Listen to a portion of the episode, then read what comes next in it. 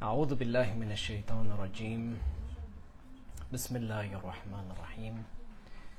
الحمد لله رب العالمين والصلاة والسلام على أشرف الأنبياء والمرسلين حبيب الله العالمين أبو القاسم محمد وعلى آله الطيبين الطاهرين.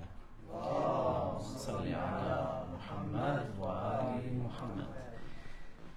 Väntade imams några mycket nära återkomst och till salawat.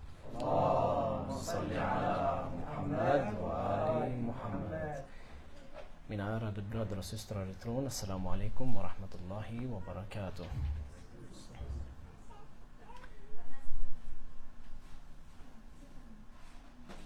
Har du någon gång upplevt att din ork och viljekraft vad gäller olika typer av religiösa förpliktelser ibland inte är så som du skulle vilja att de skulle vara. Känns dina handlingar enformiga och nästintill livlösa emellanåt? Upplever du att de inte ger den effekt som du hade önskat att de ska ge? Studier, arbete, familjeliv och annat kanske skapar stress och frustration i vardagen. Du kanske är en person som emellanåt skriker efter ro. Om så är du inte ensam. Häromveckan träffade jag en ungdom. Den här ungdomen han berättade att hans studier upptar mycket av hans tid. Det märktes att han var passionerad av de här studierna. Man, såg det, man kunde se det tydligt i hans ögon. Men samtidigt så kände han en skam och frustration över att han inte fann samma glädje och ro när han exempelvis bad eller utförde andra religiösa förpliktelser. Eftersom vi möttes på en helig plats så påmindes han säkert om sin tro och den bild av en perfekt troende som han kanske målat upp för sig själv. Eller fått lära sig av andra hur den ska vara. Det här fick mig att tänka på en sak. Hur är det egentligen med mina egna handlingar? När triggas den här känslan av skam eller frustration hos mig? Och hur vet jag att det jag gör verkligen är för ett högre syfte och ändamål? De gånger jag känner att mina handlingar inte smakar lika sött. Lägger jag verkligen tid att ta reda på varför? Vad är orsaken bakom det här? Man säger ju att varje orsak har en verkan, eller hur? Så hur hittar jag den här orsaken? Hur selekterar jag bland denna ocean av handlingar som sker under en dag? En praktisk metod jag kan börja med det är att granska vad målet med min handling var. Eller med andra ord, vad var min avsikt bakom mina handlingar? Om jag finner att jag bara agerat på impulser det vill säga gjort det som har fallit mig in. Eller i all vardaglig stress bara gått på autopilot. Så är det ganska självklart att min avsikt och mitt mål inte har varit i fokus. Vad innebär det här? Om jag är en troende så är det här en allvarlig påminnelse till mig själv att jag håller på att bli en traditionell person. En person som utför rituella handlingar utan ett syfte och ett ändamål.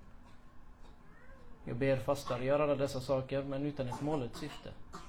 Sådana handlingar saknar liv. De kallas döda handlingar. Så om jag vill ändra på det här då, var ska jag börja? Jo, jag måste gå tillbaka till grunderna. Grunderna av min tro. Och en av Islams grundläggande principer, som också är någonting som följer med oss i vår resa mot perfektion och närhet till Gud, det är intentionen. Avsikten. Eller som man säger på arabiska, vår nia. Avsikten som är syftet bakom varför en handling utförs. Det brukar av filosofer benämnas som länken mellan kunskap och handling. Vad innebär det? Kunskap i sig självt, det är rent. Det är en perfekt form. Och att ha kunskap om någonting, det är en sak. Men det är avsikten bakom den här kunskapen som motiverar och styr mina handlingar. Och Imam Sadiq salam har i, i detta eh, sammanhang sagt följande. Han, han säger kroppen känner ingen svaghet när avsikten är stark. Det vackra med detta det är att den här sanningen som yttras av imamen, den är oberoende av om handlingen är rätt eller fel. Så vad säger han här? Om kroppen känner en svaghet så betyder det att avsikten inte är stark inför en handling. Exempelvis, jag vet att eld kan bränna mig. Och därför ser jag till att inte komma för nära. Eller hur? Så mitt agerande i förhållande till eldens egenskaper, det håller mig på avstånd. Med avsikten att inte skadas. Så självbevarelsedriften är det som dominerar i det här fallet. Men vad händer om jag kommer hem från jobbet en dag och finner att mitt hus står i brand och familjen är där inne? Låter jag kunskapen om eldens egenskaper och avsikten om självbevarelsedrift dominera mitt beslut? Eller är det avsikten att rädda ett liv som tar kommandot över mina handlingar? Oavsett hur jag väljer att göra här så är det klart att avsikten avgör hur jag kommer att agera. I det här fallet, rädda mig själv eller rädda min familj. Vad är det som driver mig och vad är starkast? Som jag upplever att mina handlingar, som vi nämnde i början, känns enformiga, livlösa. Eller likt den här ungdomen yttrar, yttrar att jag har svårt att utföra mustahabat eller rekommenderade handlingar. Då måste jag först fråga mig själv varför gör jag överhuvudtaget de här handlingarna? Varför utför jag dessa mustahabat? Vad är det som triggar igång känslan att vilja göra dem? Och vad är det som triggar igång känslan att inte vilja göra dem? Vad är min avsikt? Och vad är målet med dem? Jag behöver alltså beskriva för mig själv vilket resultat jag strävar efter och varför de här resultaten är viktiga för mig. Och kanske är det också en av anledningarna att vi inför vissa eh, dyrkanshandlingar lägger så mycket tid på olika typer av förberedelser. En av de mest uppenbara exemplen det är när vi ska be, eller hur? Vad gör vi innan vi ber? Vi måste utföra tvagningen. Så vi går och tvagar oss. Efter wudu, vad gör vi då? Vi läser adhan. Efter adhan, vi läser iqama. Vi ska också gärna välja en plats där det är lugn och ro och så lite distraktioner som möjligt. Den ska gärna vara väldoftande också. Och det finns många fler rekommendationer inför bönen. Allt detta för att min avsikt bakom handlingen och fokusen på målet ska vara tydligt. Jag gör det här bara för att söka hans närhet, Korb. Så vad börjar vi med? Vem ska be? Qurbatan ila Allah, eller hur? Så för att sammanfatta det vi pratat om hittills. Så sa vi att om jag inte känner att mina handlingar ger mig ro och liv så behöver jag granska orsaken. Denna orsak är relaterad till min avsikt. Och Imam Sadiq salam, han nämnde i princip att om jag in, eh, inte känner någon svaghet inför en handling så betyder det att min avsikt är stark. Och detta gäller oavsett om den här handlingen är rätt eller fel. Men som troende finns det en skillnad. Jag behöver se över vad mitt mål med det jag gör är. Och den rätta avsikten med det målet. Det behöver alltså rättas efter målet. Och kanske är det därför som vissa handlingar då är både obligatoriska eller rekommenderade att göra. För att de hjälper mig att rätta till avsikten och skifta fokusen på målet.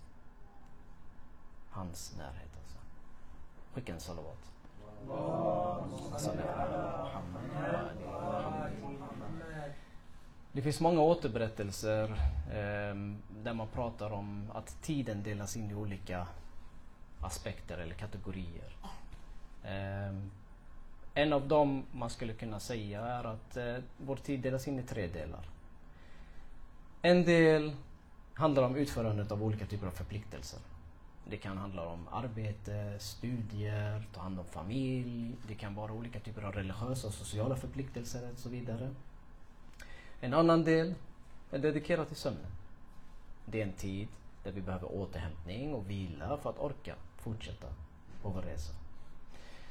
Och den återstående delen, det är vår fritid. Och här har Gud lämnat människan fria att använda den här tiden så som de önskar. Alla de här delarna inkluderar olika typer av handlingar, eller hur? Under alla dessa tider gör jag olika typer av handlingar. Som troende behöver de här handlingarna ha ett tydligt mål och syfte för att jag ska kunna utvecklas som människa och särskilja mig från djuren. Så jag behöver ha ett mål och ett syfte varför jag sover. Jag behöver ha ett mål och ett syfte varför jag gör mina förpliktelser. Jag behöver ett mål och ett syfte med den fritid jag väljer att ha. Ett djur jagar för att ge sig själv eller sina barn föda, eller hur? Och när behoven är uppfyllda, vad gör de då? De lägger sig för vila eller vissa djur som har lite högre intelligens, de eh, brukar också ägna sig åt vissa typer av nöjen. Det är alltså någonting som finns inprogrammerat redan hos djuren och ingenting som är särskilt bara för oss människor. Skillnaden mellan ett djur och en människa, det blir dock när de här handlingarna görs med ett högre syfte. Ett högre syfte och ändamål. Annat än att tillfredsställa de här lägre begären. Och för det här krävs en medveten avsikt. Varje dag vi öppnar ögonen för det här livet, för den här världen, är början på en ny resa. Utgångspunkten för varje resa, det är vår nia. Det vill säga avsikten att nå en viss destination. Eftersom vårt skapelsemål är att uppnå perfektion så bör alltså vår avsikt riktas och styras mot att söka Guds närhet, hans korp. Att koppla mina handlingar till Allah, det involverar en medvetenhet om intentionen bakom mina handlingar. När jag utför studier, när jag jobbar eller tar hand om min familj och barn, som är viktiga förpliktelser, så bör jag göra det med önskan om att komma honom närmare, söka hans belåtenhet. Den här avsikten är extremt viktig att ha, att påminna sig själv om. Jag måste fråga mig själv alltså varför jag gör det jag gör. Är det verkligen för Guds skull? Eller gör jag det för mig själv? Vad är målet med mina studier och mitt arbete? Har jag ställt mig själv den frågan? Är det för att tjäna honom? Eller gör jag det för status, för rikedom? Eller rent av för nöjes skull? Om mina studier och mitt arbete upptar så mycket tid att jag försummar mina förpliktelser gentemot min familj exempelvis, min, både min jordiska såväl som min himmelska familj, är då avsikten fortfarande ren? Om jag däremot engagerar mig i mitt arbete eller i mina studier med heder och ärlighet eftersom det här sker i enlighet med Islams lära och samtidigt utför mina förpliktelser, mina andra förpliktelser. Men då är fortfarande avsikten i linje med mitt mål, eller hur? Att vara en god förälder eller en partner är också en del av att följa Islams principer om respekt och kärlek inom familjen. Och på så vis ligger avsikten i linje med målet. Om mina andra förpliktelser också upprätthålls. Så för att gå tillbaka till frågan eh, om studier till exempel. Jag må tycka om mina studier, jag må lägga tid på dessa studier.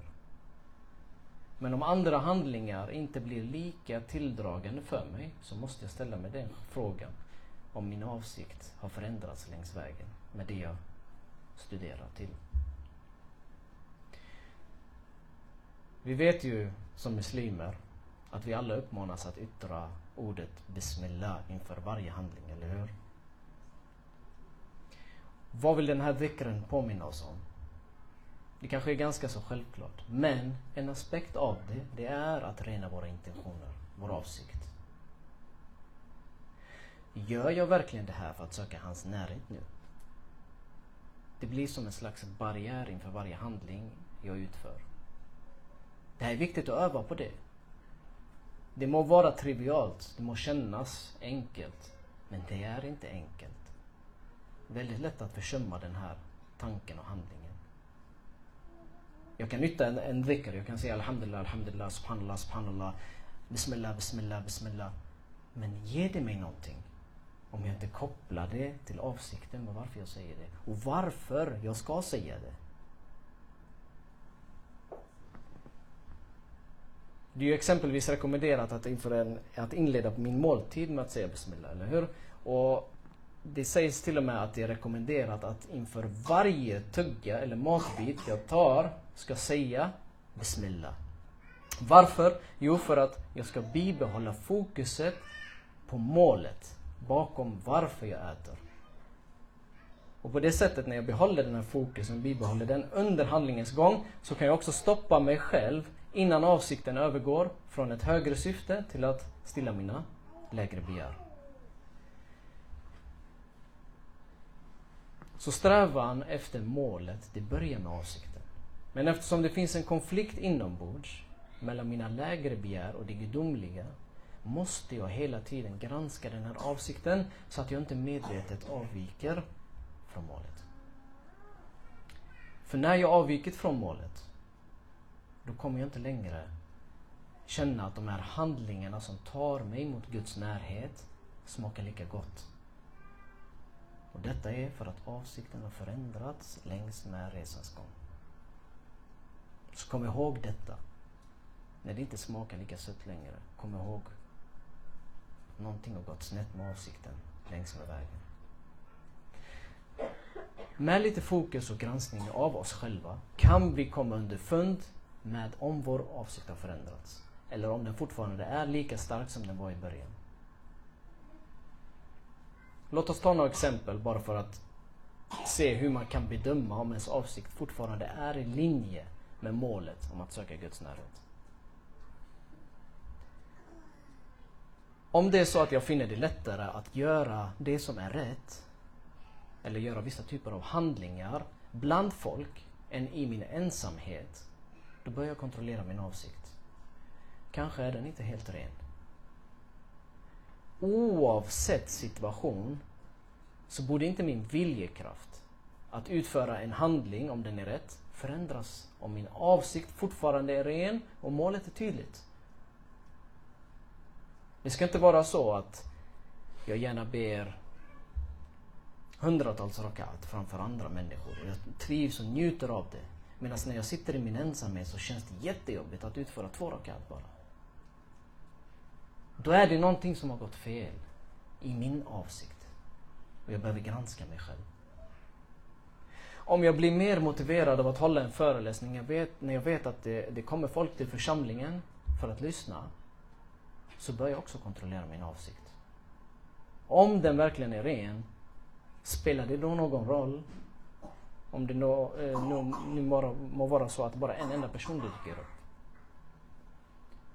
Återigen börjar jag ställa mig själv frågan. Varför gör jag det jag gör?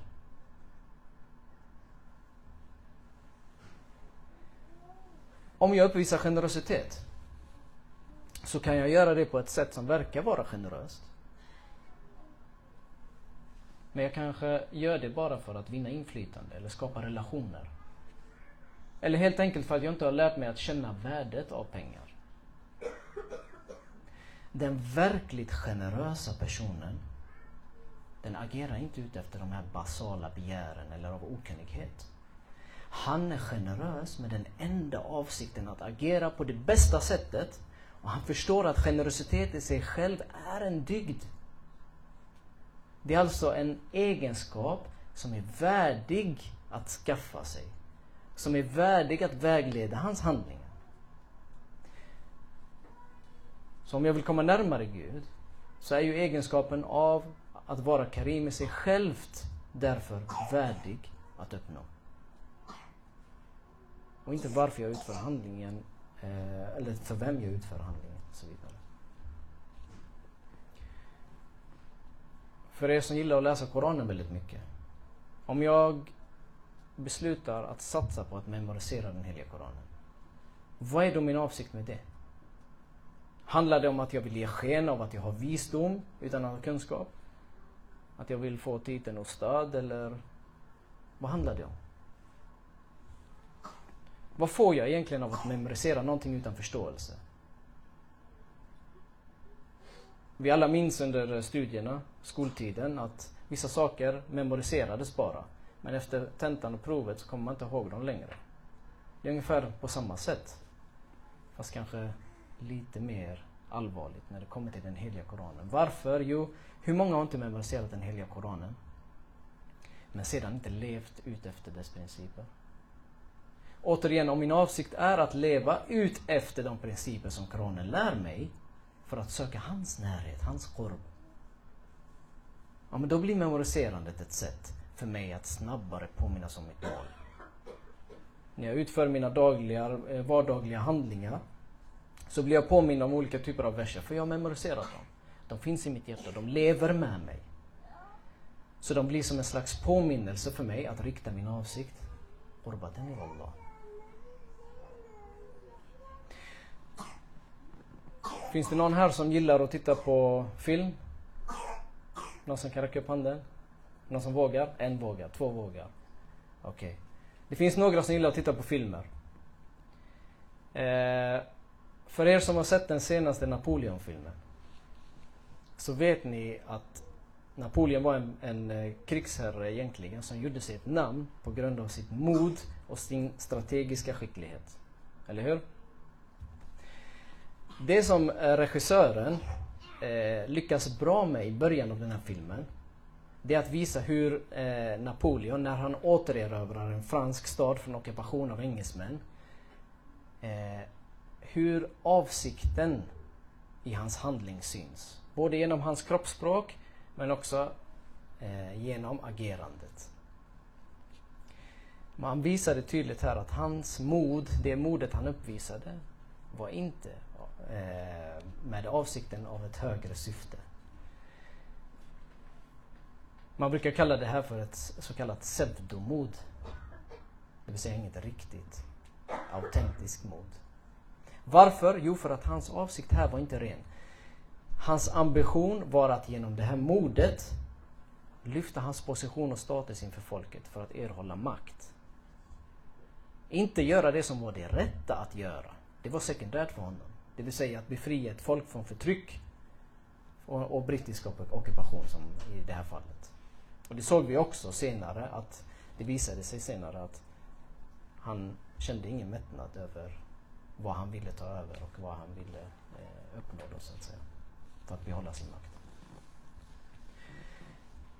Det här var bara några exempel. Det finns så många med fler exempel. Jag är säker på att ni alla kan komma med många av dessa exempel för att hjälpa varandra och hjälpa er själva att hitta avsikten bakom era handlingar. Så avslutningsvis vill jag ändå säga det att en handling utan den rätta avsikten kommer inte att kunna kopplas till den kunskapen som bekräftas av vår tro. Och därför kommer den att sakna värde. Den kommer att sakna det värde den skulle ha haft om det hade varit i enlighet med rätt avsikt. Så börja med att rätta till avsikten i ditt liv och du kommer att se hur dina handlingar successivt kommer att få liv igen. Vi avslutar med det bästa som finns. En salawat ala Muhammad wa Ali Muhammad. Wow.